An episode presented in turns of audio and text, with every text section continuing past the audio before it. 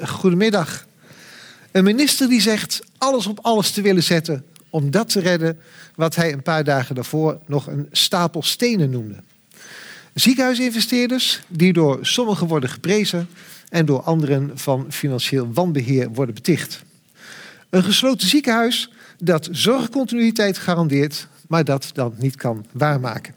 U begrijpt voldoende reden voor Rabout Reflex om een actualiteitencollege te verzorgen. Mijn naam is Marcel Becker, universitair hoofddocent ethiek aan deze universiteit en adviseur ethiek van Rabout Reflex. Mij is gevraagd om u door deze bijeenkomst heen te begeleiden. Ik heb twee prominenten zometeen aan mijn zijde, maar voordat ik die aan u ga voorstellen, uh, eerst een column van onze huiscolumnist Peter van der Heijden.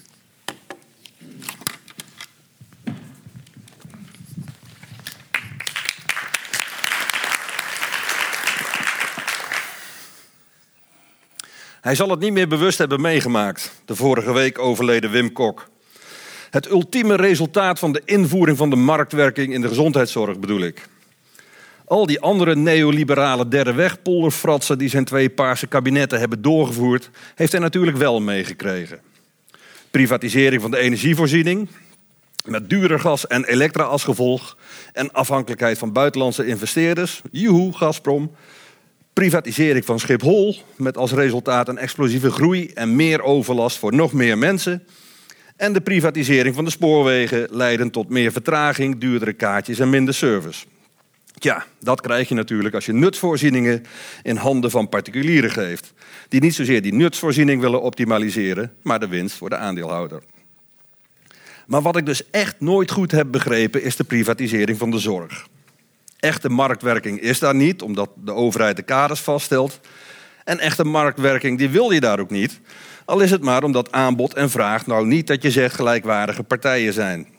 Ga maar eens lekker shoppen met je acute hartinfarct, ebola of non-Hodgkin. En probeer dan fijnmondig met de zorgaanbieder en de zorgfinancier te onderhandelen. Of een alternatief te vinden voor behandeling. Noem mij ouderwets, maar ik zie wel wat in een systeem waarin niet de markt bepaalt wat er zoal aan gezondheidszorg is en wat dat mag kosten, maar in wij dat met z'n allen doen. Met z'n allen als alle potentiële patiënten gezamenlijk, die toevalligerwijs ook samen de bevolking vormen. En die bevolking vormt dan weer iets wat we de overheid noemen. Een organisatie die in het verleden de touwtjes in het land in handen had en probeerde, nou ja, dat is misschien wat naïef romantisch, maar zo zou het moeten zijn. Die probeerde de samenleving, inclusief de nuts en andere noodzakelijke algemene voorzieningen, zo goed mogelijk in te richten. Maar die overheid, die mag dat niet meer, want de markt kan het veel beter. Hebben alle neoliberale heilsprofeten na de val van het communisme bepaald. Ja, dat hebben we gezien dus. Met die duurdere treinkaartjes, met slechtere producten, hogere energieprijzen en meer overlast door Schiphol. De markt doet dat inderdaad echt veel en veel beter. En dan vind ik het in de energie- en transportsector nog tot daar toe. Maar in de gezondheidszorg heeft een ondernemer, behalve hooguit in de productie en ontwikkeling van medicijnen en apparatuur, verdomd weinig te zoeken ziekenhuizen die failliet gaan omdat er geen winst te behalen is, terwijl we omvallende banken met staatsgeld overeind houden en we Unilever en consorten bijna 2 miljard hadden gegeven. Voor zo'n beleid is maar één woord: ziek.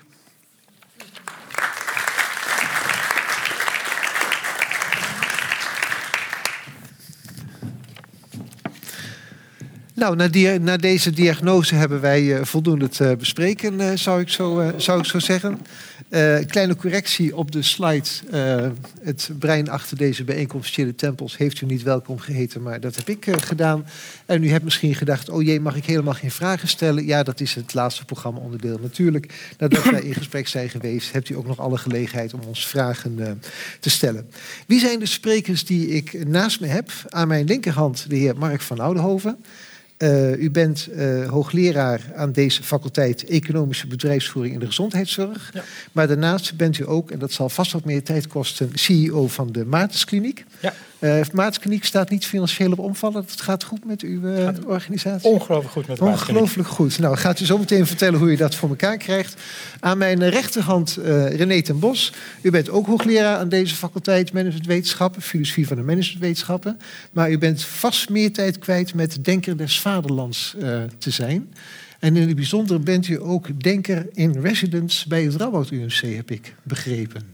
Philosopher in residence. Philosopher in Ik weet ook niet wat het verschil is. Nee, maar eh, u mag daar vrijblijvend eh, lopen denken eh, om die organisatie nog beter te laten functioneren dan ze nu is. Nee, dat ga ik niet doen. Nee, nou, Nee. Wat, wat u wel gaat doen, gaan we zo meteen dan nog wat vragen over, stellen. Ja. Mag ik met u beginnen, meneer Van Oudenhoven? Het is bij mijn weten de eerste keer dat zo plots ziekenhuizen failliet eh, gaan. Eh, de grote vraag is dan natuurlijk, eh, waardoor komt het? Wat is er zo uniek aan deze ziekenhuizen dat dit kon gebeuren? Nou, misschien, misschien een, als dat mag, een, een, een, kleine, een, kleine historische schets. Er zijn in Nederland vaker ziekenhuizen failliet gegaan. Dat zijn we alleen vergeten, of die zijn ook verdwenen. Eh, die zijn gefuseerd met anderen, of er zijn, eh, er zijn problemen geweest. Of, dus het is vaker voorgekomen dan nu, alleen we hebben het wat naar achter geschoven. In de afgelopen jaren is bijvoorbeeld het eh, medisch centrum in Spijkenisse is, is failliet gegaan. Is ook overgenomen door, door andere ziekenhuizen. Dus het is niet een unieke gebeurtenis. Wat er nu uniek is, is dat het opeens gebeurde met een heleboel bombarie. En dat ook opeens ehm, voor velen, en blijkbaar ook voor de minister, eh, patiënten naar andere ziekenhuizen toe moesten. Ja, Ehm, ja, ja. Dus eigenlijk, als het faillissement wat beter was begeleid, dan was er niet zo'n bombarie geweest. En denk ik dan, als dan misschien de politiek dat beter had begeleid, dan was er niet zo'n bombarie geweest. Of zijn er andere partijen die het beter hadden kunnen begeleiden of inkleden? Nou, maar zeggen, het, het, het, is, en ik hoorde ook het woord een, een hoop stenen vallen.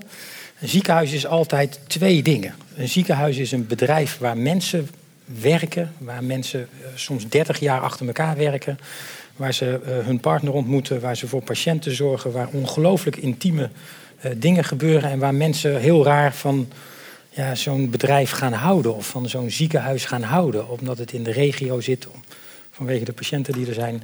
Dat gevoel is het ene. En daarnaast is het gewoon een bedrijf waar geld binnenkomt. En of het geld nou van de zorgverzekeraar komt of van de overheid, er komt geld binnen. En je wil graag dat eh, de kosten die je maakt wat eh, minder zijn dan het geld wat binnenkomt. En winst maken daarbij, wat net ook benoemd werd, is eigenlijk, is eigenlijk heel goed. Eh, want die winst die kunnen wij gebruiken om de patiëntenzorg nog beter te maken. Want de meeste ziekenhuizen in Nederland, eigenlijk bijna allemaal, mogen de winst niet uitkeren aan aandeelhou- aandeelhouders. Die hebben we ook niet. Dus als wij winst maken, eh, wat heel positief is, dan kunnen we dat gebruiken om de zorg te verbeteren. En wat Ja. er in Amsterdam misgegaan is, is dat de kosten hoger zijn geweest, eh, overigens sinds langere tijd, eh, dan het geld wat er binnenkomt. En, dan wie- gaat het mis. ja, en en wie, wie, wie, van wie verwachten we nou, of wie denkt u dan, moeten er dan inspringen om dat wat er misgaat, om dat op een of andere manier op te vangen, te begeleiden? Ja, het is, het Eh, is, is de- of zegt u nee, dat moet dan gewoon gebeuren, dat is de natuurlijke werking van de markt. En als dat misgaat, nou ja goed, dan moeten die patiënten naar een ander ziekenhuis. En dan heeft de markt zijn zuiverende werking weg. weer In gedaan. principe is het de verantwoordelijkheid van het bestuur van het ziekenhuis om ervoor te zorgen dat die twee dingen in evenwicht zijn. Ja. En dat moeten ze ook goed doen. En dat doen ze in overleg met de zorgverzekeraars. Eh, daar spreken ze ook af hoeveel geld ze krijgen voor welke behandeling. Dat klinkt allemaal bedrijfsmatig, maar dat gaat over mensen die eh, zorg krijgen. En dan spreek je af, daar krijg ik zoveel geld voor. Daar heb je jarenlang gesprekken over. En die zorgverzekeraar die, die koopt bij jou zorg in, hoe, hoe ordinair dat ook klinkt. Eh, Want het gaat over mensen, die Ja. koopt die zorg in Ja. en die lever je dan. En daar kun je afspraken mee maken. En als die zorgverzekeraar op een gegeven moment zegt... ja, maar wij kopen bij jullie niet meer in of we betalen het niet meer... en aan de andere kant zijn er allerlei leveranciers die zeggen... ja, maar we krijgen nog wat geld van je. Ja. Eh, ja, dan gaat het mis. En dan is het de verantwoordelijkheid van het bestuur om dat op te lossen. En als ze dan faillissement aanvragen... Ja, dan is het uit je handen. Want dan komt er een curator binnen... Ja. En die zegt Ja. van, eh, nou, we moeten even kijken Ja. hoe dat gaat. En dan gebeuren de dingen die het bestuur niet meer kan doen. Ik denk dat in de voorbereiding ernaartoe, want een ziekenhuis gaat niet plotseling failliet. Ik weet heel lang van tevoren eh, hoe, hoeveel geld ik heb, waarvoor. En dat kun je ook terugkijken. Dus dat gaat niet van vandaag op morgen failliet. Daar gaan jaren overheen, daar zie je problemen of niet. En je kunt heel goed met zorgverzekeraars eh, kun je afspraken maken over hoe zou je dat moeten doen. Hoe dat in dit geval gegaan is, weet ik niet. De- de- Dat kan, dat kan ik niet zien, maar ik denk dat het in het belang van de samenleving is dat je daar afspraken over maakt. Hoe je zo'n proces laat verlopen en dat je dat niet zomaar in de hand van de curator legt.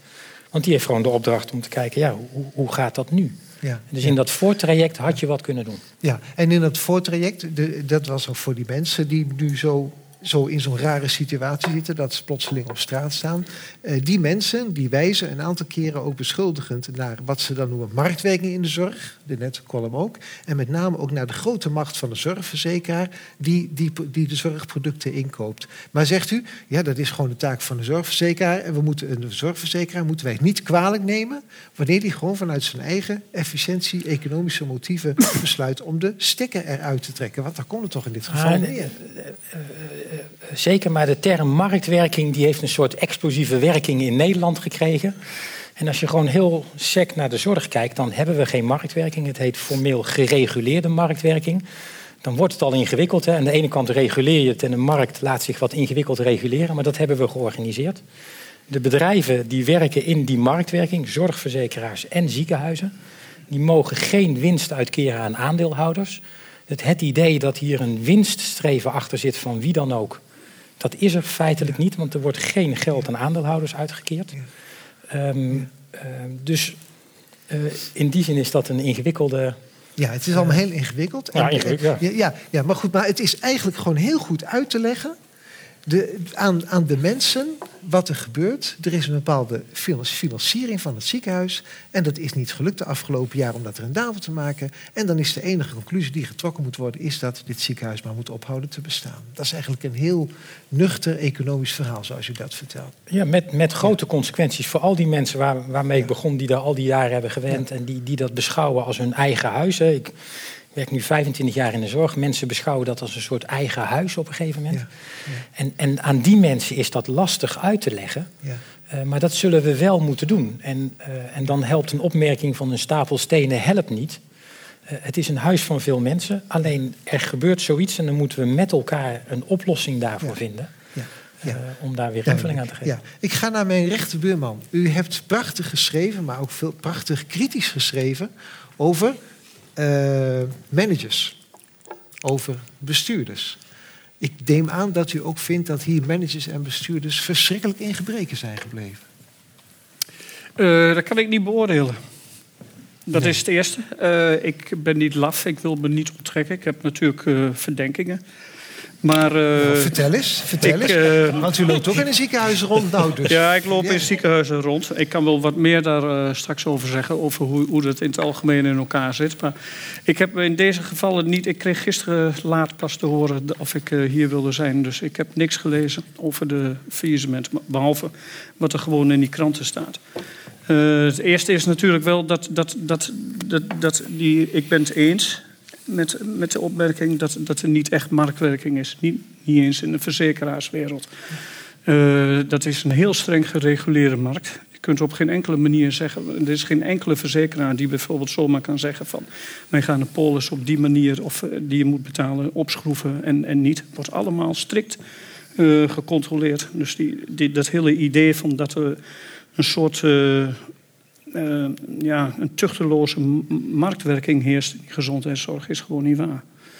Dat is, dat, dat is het eerste wat je kunt zeggen. Ehm, tweede wat je ook kunt zeggen, ik reageer ook een beetje op die column, is natuurlijk dat eh, het privé-karakter van dit soort eh, processen niet de echte issue is. Dus We hebben een hele hoop dingen in dit land die wij bij uitstek niet aan de overheid willen geven en die we altijd privaatrechtelijk hebben gedaan. Volkshuisvesting is daar een perfect voorbeeld van. Dat is zo belangrijk. Daar mag de overheid zich niet mee bemoeien. Dat moeten de mensen zelf doen. En voor gezondheidszorg, katholieke achtergrond ook, is het ook heel vaak zo geweest. Dus, dus het eh, privé-karakter is volgens mij ook niet een probleem. Dat is een beetje linksige retoriek die we net horen. Ehm, Ehm, dus dus dat, dat is het probleem niet. Ehm, wat je wel ziet is natuurlijk dat, dat verzekeraars op een gegeven moment steeds meer macht hebben gekregen in dat hele segment dat je gezondheidszorg noemt. En die verzekeraars die proberen die, die, die bureaucratieën, die ziekenhuizen onomstotelijk zijn, proberen van die bureaucratieën op de een of andere manier eh, een soort eh, ja, toch, toch meer bedrijfsmatigheid daarin te krijgen, waarbij een hele hoop dingen gebeuren. Ehm, gezondheidszorg, is dat nou een product of is dat een dienst? Dat is een hele essentiële vraag. Ehm, ehm, als het een product is, wat doe je dan met al die mensen die daar in dat huis zitten en die nog steeds denken dat ze in de dienstverlenende sector werken? Ik ken daar prachtige voorbeelden van. Hè. Tegen kom- die mensen zeggen dat ze niet meer in de dienstverlening nou ja, om, om, om een klein voorbeeld te noemen. Dat is, ik was afgelopen maandag in Amsterdam bij een conferentie over integrale geboortezorg. Dat is ook zo'n belangrijk ding. Dan hoop je echt dat, dat, dat daar eh, eh, verloskundigen en gynaecologen komen. Dat is een grote discussie eh, in, tussen die twee groepen omdat eh, ja, vanuit een bedrijfsmatig perspectief zou je kunnen zeggen dat de pathologisering van de zwangerschap, dus stuur alles naar richting keizersnede, dat levert geld op. Verloskundigen willen dat niet. Die willen nog steeds dat het een soort allemaal aanstuurt naar thuisbevallingen. Hebben een soort tutti frutti atmosfeer, zoals iemand zei, eroverheen hangen. En dat is een soort, eh, een soort conflict. Dan zie je echt een scheiding der geesten. Nou, het ernstige daarvan is dat, eh, dat je probeert dan een, eh, een, een, een, mensen bij elkaar te krijgen. eh, dezelfde geesten bij elkaar te zijn. Maar er zijn alleen maar gynaecologen. Omgekeerd is een andere soort conferentie. Zie je alleen maar verloskundigen in de zaal. Met, met één uitzondering. En dat, dat, dat is dus iets wat, wat, wat, wat, wat heel raar is. En dat, en, en dat laat zien dat, dat mensen in die ziekenhuizen er op een hele verschillende manier over denken. Ja. Dus je hebt echt een Ja. hele, hele eh, een, een, een conflict van waarden, zou je kunnen Ja. zeggen. Ja, en dan gaan we, kijk toch even naar, mijn, naar iemand die in een ziekenhuis eh, niet alleen werkt, maar aan het hoofd staat. En u schrijft eh, naast de dingen die ik al noemde, u doet, schrijft u ook mooie columns in Medisch Contact. En een tijdje geleden verscheen van u een column waarin u zei: Ik zit in een spagaat. Die column, column heette Wie ben ik? Een identiteitscrisis werd daar eventjes zo, Zo. zo neergelegd, zo voor de mensen. En u zei van ja, ik, ik zit in. de- En eigenlijk het verhaal wat René vertelt, zag je in die column ook terug. U zegt: Continu en winst, die zijn niet vergelijkbaar met zaken als zorg en de wensen van de inwoners van Nederland.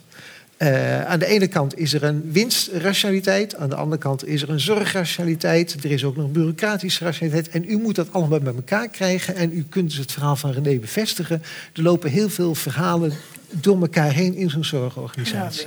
Eh, zeker, en afhankelijk van wie je spreekt, op welk moment van de dag en met welke pet die op heeft, krijg je een antwoord. Dus Ja. Eh, we vinden allemaal, eh, eh, zeg maar in een gemeente, vinden we het heel belangrijk dat de geboortezorg voor iedereen beschikbaar is. Maar we weten ook heel goed dat je als je kwaliteit wil organiseren in de zorg, dat je dat niet in 300 gemeentes kunt neerzetten. Het, het idee van in iedere gemeente een ziekenhuis wat alles kan, want dan is het dicht bij de mens. Ja. Ja, dat bestaat niet, want Ja. dan gaan er allerlei mensen zeggen... ja, maar medisch inhoudelijk gezien heb je dan te weinig patiënten... om die kwaliteit te kunnen verbeteren. Als er in een gemeente dan een ziekenhuis dicht gaat... om niet om een financiële reden, maar om een medisch inhoudelijke reden... we kunnen de eerste hulp niet openhouden... of bepaalde dingen doen we niet meer vanuit medisch... echte overtuiging van dat kunnen we de kwaliteit niet garanderen... dan belt onmiddellijk de wethouder op. Het zal toch niet zo zijn dat hier eh, het ziekenhuis dicht gaat in onze gemeente. En dan gaat iedereen protesteren. Eh Delfzijl gaat iedereen protesteren... omdat we vinden dat in een heel klein dorpje ergens in het noorden... ook een ziekenhuis moet blijven. En dat zei de minister, zei een hoop stenen. Maar wat hij volgens mij bedoelde is... je moet de zorg proberen te organiseren overal. En dat kan soms in een ziekenhuis... maar dat kan Ja. ook door middel van Ja. wijkverpleging. Dat kan ook op andere manieren. Ja. En die conflicten komen steeds, Ja, maar dan, maakt je, terug. ja, maar dan maakt je het verhaal dus nog ingewikkelder te zeggen... je kunt het ook nog op allerlei andere manieren organiseren. Zeker. Maar dat betekent dat hedendaagse zorg is een verhaal... van heel verschillende soorten manieren van denken en betrokkenheden. En dat moet met elkaar in een heel goed evenwicht bestaan. En als dat niet in een goed evenwicht bestaat... dan valt een ziekenhuis om. Want we kiezen voor het ene verhaal geen markt... of voor het andere verhaal wel markt. Dat lukt niet. Nee, dat is echt. Het is- dat, het is- ben- René, het- zeg maar, het, Nee. het idee, we hebben de markt nu en nu gaat alles mis. En als we dat overlaten aan de overheid, dan gaat alles goed. Hè? Eén, hebben we die markt nu niet. Maar stel dat die tegenstelling er Ja. zou zijn, dan werkt dat ook niet zo. Want als je Nee. naar Engeland gaat, daar heb je de NHS. En eh, die organiseert vanuit de staat organiseert die de zorg. Daar is die minister nog de baas van alle ziekenhuisdirecteuren. Dat is ook een variant. Ja. Ehm, en die maakt ook keuzes. En daar worden ook keuzes gemaakt om bepaalde ziekenhuizen open te houden en andere niet. Ja. Dus je zult met elkaar in de ontwikkeling van de zorg moeten nadenken over hoe organiseren we dat voor Ja. eh, En voor, dus voor de burger. Ja, maar dus ook voortdurend ook een identiteitscrisis hebben, omdat verschillende manieren van Nou ja, kijken en denken bij elkaar worden Als je het gehouden. anders organiseert, wat René zegt, dan missen sommige mensen hun brood. Dus als je zegt alles moet naar de huisartsen, want dat is beter, dat is dicht bij de patiënt, dan is dat zo. Maar dan zeg je tegen alle mensen die in de ziekenhuizen werken, nou, dat was een hartstikke mooie tijd. We denken nu dat de huisartsen dat kunnen doen, dus je moet allemaal bij de huisarts in dienst. Dus bij Ja. al die dingen in dat evenwicht, want de mens is niet, je bent ziek en je gaat naar het ziekenhuis, het is goed. Als bij ons iemand in het ziekenhuis komt, eh, voor een nieuwe heup of met een dwarslesie, die gaat hij daarna naar huis. Maar dan heeft hij misschien wijkverpleging nodig, of de huisarts, of misschien wel de gemeente. En dus als je zorg levert, gaat dat altijd over die organisaties heen. Ja. En wat we nu proberen is één ziekenhuis te pakken. En zeggen, nou, als we dat oplossen, dan komt het goed. Ja. Dat dat Nee, is dat te lukt makkelijk. Steeds minder. Is dat ook uw diagnose? Dat we in die zin ook steeds weer naar gedifferentieerdere en subtielere en heterogenere vorm van zorg eh, toe zullen gaan?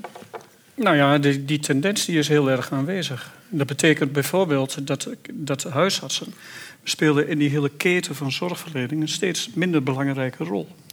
Dat is natuurlijk heel raar. Ik heb toevallig net een heel stuk geschreven over eh, eh, huisartsen. Een soort historisch perspectief erop. Maar huisartsen, dat, dat was 40, 50 jaar geleden, waren dat echte autoriteiten. En die hadden ook veel meer bevoegdheid om bijvoorbeeld te bepalen wat er is. En met dat model van huisartsen, waarbij je dus gezondheidszorg echt verspreid hebt door het hele land, kun je dus ook door het hele land, zeg maar van IJsden tot Delfzijl, kun je dus gezondheidszorg overal aanbieden. Ja. Maar op het moment dat je heel veel eh, eh, zorgverlening eh, overlaat aan specialisten, en die huisarts heeft op dit moment alleen maar een doorverwijzingsfunctie gekregen. Dan op het moment dat je dat overlaat aan specialisten, is die zorgverlening te duur om overal nog in het hele land Ja, te, te, garanderen. En dan komt er plotseling maatschappelijke druk. Want we zien het in de politiek gebeuren. De minister had vorige week de opmerking gemaakt over de stapel stenen. En dan plotseling in de Kamer heeft hij bakzaal moeten halen. Hij heeft allemaal beloften moeten doen. Eh, De, twee, de aantal partijen heeft er vertrouwen in hem opgezegd. En zelfs de coalitiepartij D66 heeft gesproken over onmenselijke toestanden. Er gaat dus, want zorg dat is een heel gevoelige thematiek. Er gaat heel veel maatschappelijke druk ontstaan op allerlei zorginstellingen om soorten maatregelen te nemen. Die misschien qua efficiëntie en qua economie helemaal niet zo handig zijn. Nou ja, ik vind het wel goed hoor dat, dat de zorg als dienst enigszins beschermd wordt tegen al die institutionele druk die uitgeoefend wordt. Dus op zich begrijp ik dat hartstikke goed. Ja. En, en eh, ik, ik, ik, vind het ook heel leuk om, eh, om af en toe die verzekeraars er eens van langs te geven. Als ik dan spreek op zo'n conferentie, zie ik allemaal van die bedrijfskunde jongetjes die eh ene staafdiagrammetje na het andere laten zien om het integrale bekostigingssysteem aan te tonen. Aan een zaal vol verloskundigen. Vraag je dan wat- Ja. vervolgens die verloskundigen of ze er wat van hebben begrepen. Nou, die begrijpen dat niet. En waarom? Omdat ze fundamenteel niet begrijpen dat de waarden die zij belangrijk vinden, namelijk gewoon goede eh, zorgverlening, dat dat eigenlijk niet meer, of ik zeg het verkeerd, niet belangrijker is dan bijvoorbeeld eh, een waarde als kostenbewustzijn. Ja, ja. Hoe communiceert En- en u dat met is- dat is een ja. conflict. Commu- Communiceert u ook met staafdiagrammen naar uw personeel eh, toe? Hoe doet u dat? Eh, Toevallig zit er een oud collega uit het Beatrix ziekenhuis in de zaal. Eh, eh, we, we, doen, we doen absoluut beide. En ik, ik, ik deel wat eh, René zegt en ook niet. Ik ben ervan overtuigd dat je iedereen in een ziekenhuis kunt meenemen in dat verhaal over die kosten. Iedereen snapt dat. Maar je zult ook recht moeten doen aan de echte waarde die in de zorg geleverd wordt. Dus dat gesprek kent altijd twee componenten. En het gevaar is, als iemand alleen maar praat over de waarde van zorg, ja, dan mis je gewoon de helft van de zorg. Als eh, van die jongens staan eh, met de Excel-sheets, eh, zullen we zeggen, dan mis je ook de helft van de zorg. En die combinatie, die denk ik dat het goed is wat het er is. En je opmerking net over de minister en de emotie die er nu is, ik vind het ongelooflijk jammer dat het debat wat nu plaatsvindt, die in deze emotie wordt getrokken over levensgevaarlijke situaties en andere dingen, dat gaat voorbij aan de stappen die we echt moeten nemen in de zorg. Want de mensen die nu in Flevoland zeggen, ja, we moeten het ziekenhuis behouden, eh, er gingen al heel veel patiënten niet meer naar dat ziekenhuis toe. Die gingen al naar Sneek en naar andere plekken. En dat gebeurde ook in Slotervaart. En nu zoiets gebeurt, gaan we het in de emotie trekken... en gaat Ja, iedereen het ja. systeem ter- ter discussie stellen... terwijl het gesprek zou moeten gaan over die verschillende waarden die we hebben in de zorg... en hoe je die, gaat nooit helemaal lukken op één lijn... hè, dat maakt het ook zo leuk ons werk, zullen we zeggen... maar ze iets proberen te balanceren met elkaar... dat is wat we nu moeten doen. En als we dat alleen maar een soort digotome discussie maken van tegen de markt en voor de markt. Hè, wat we de afgelopen jaren veel hebben gedaan, dan, gaan we, dan slaan we het echte goede gesprek daarover dood. En dat zou ik zonde vinden. Ja. Nee, over diverse waardes praten, daar ben ik ook hartstikke voor, erg voorstander van. Dat lijkt me heel goed. Omdat, jij wil nog geen ding zeggen voordat Die- wij ja, naar de zaal toe gaan? Nou ja, ik ben eh, wel geïnteresseerd in hoe Mark dan denkt over... eh, kijk, want de laatste ben ik helemaal mee eens. Markt of geen markt, dat is de issue niet.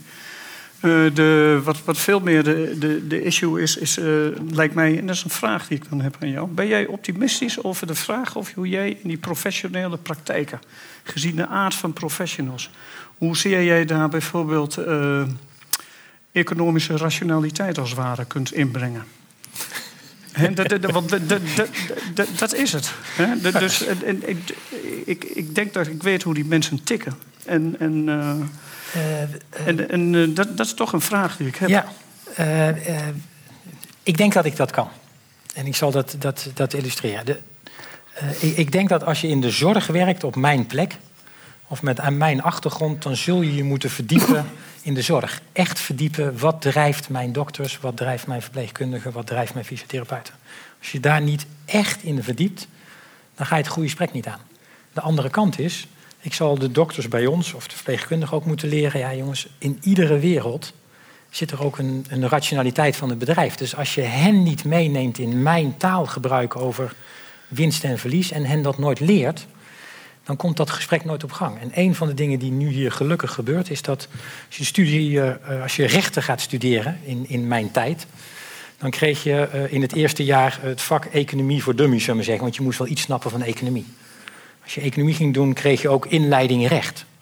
Als je geneeskunde gaat studeren, eh, dan eh, doe je vier jaar geneeskunde. Ga je twee jaar kooschappen lopen. Ga je zes jaar specialiseren, als het allemaal een beetje lekker loopt.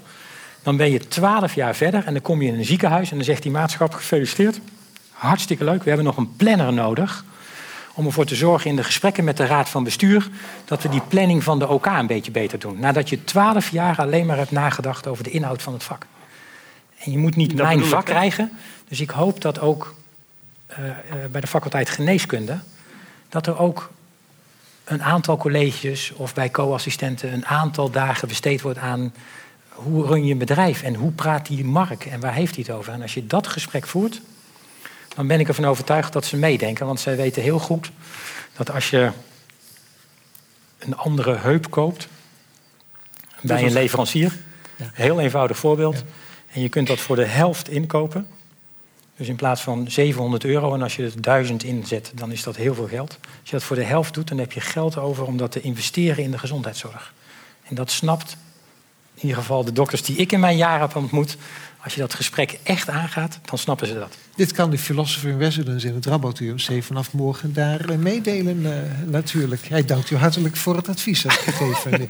nou, dan dank ik u beiden hartelijk voor een zorgvuldige, degelijke analyse van een thematiek die zo ingewikkeld is, die zoveel emoties heeft losgemaakt de afgelopen dagen op alle manieren. Ja, en nogmaals dank voor uw heldere, nuchtere blik eh, daarop.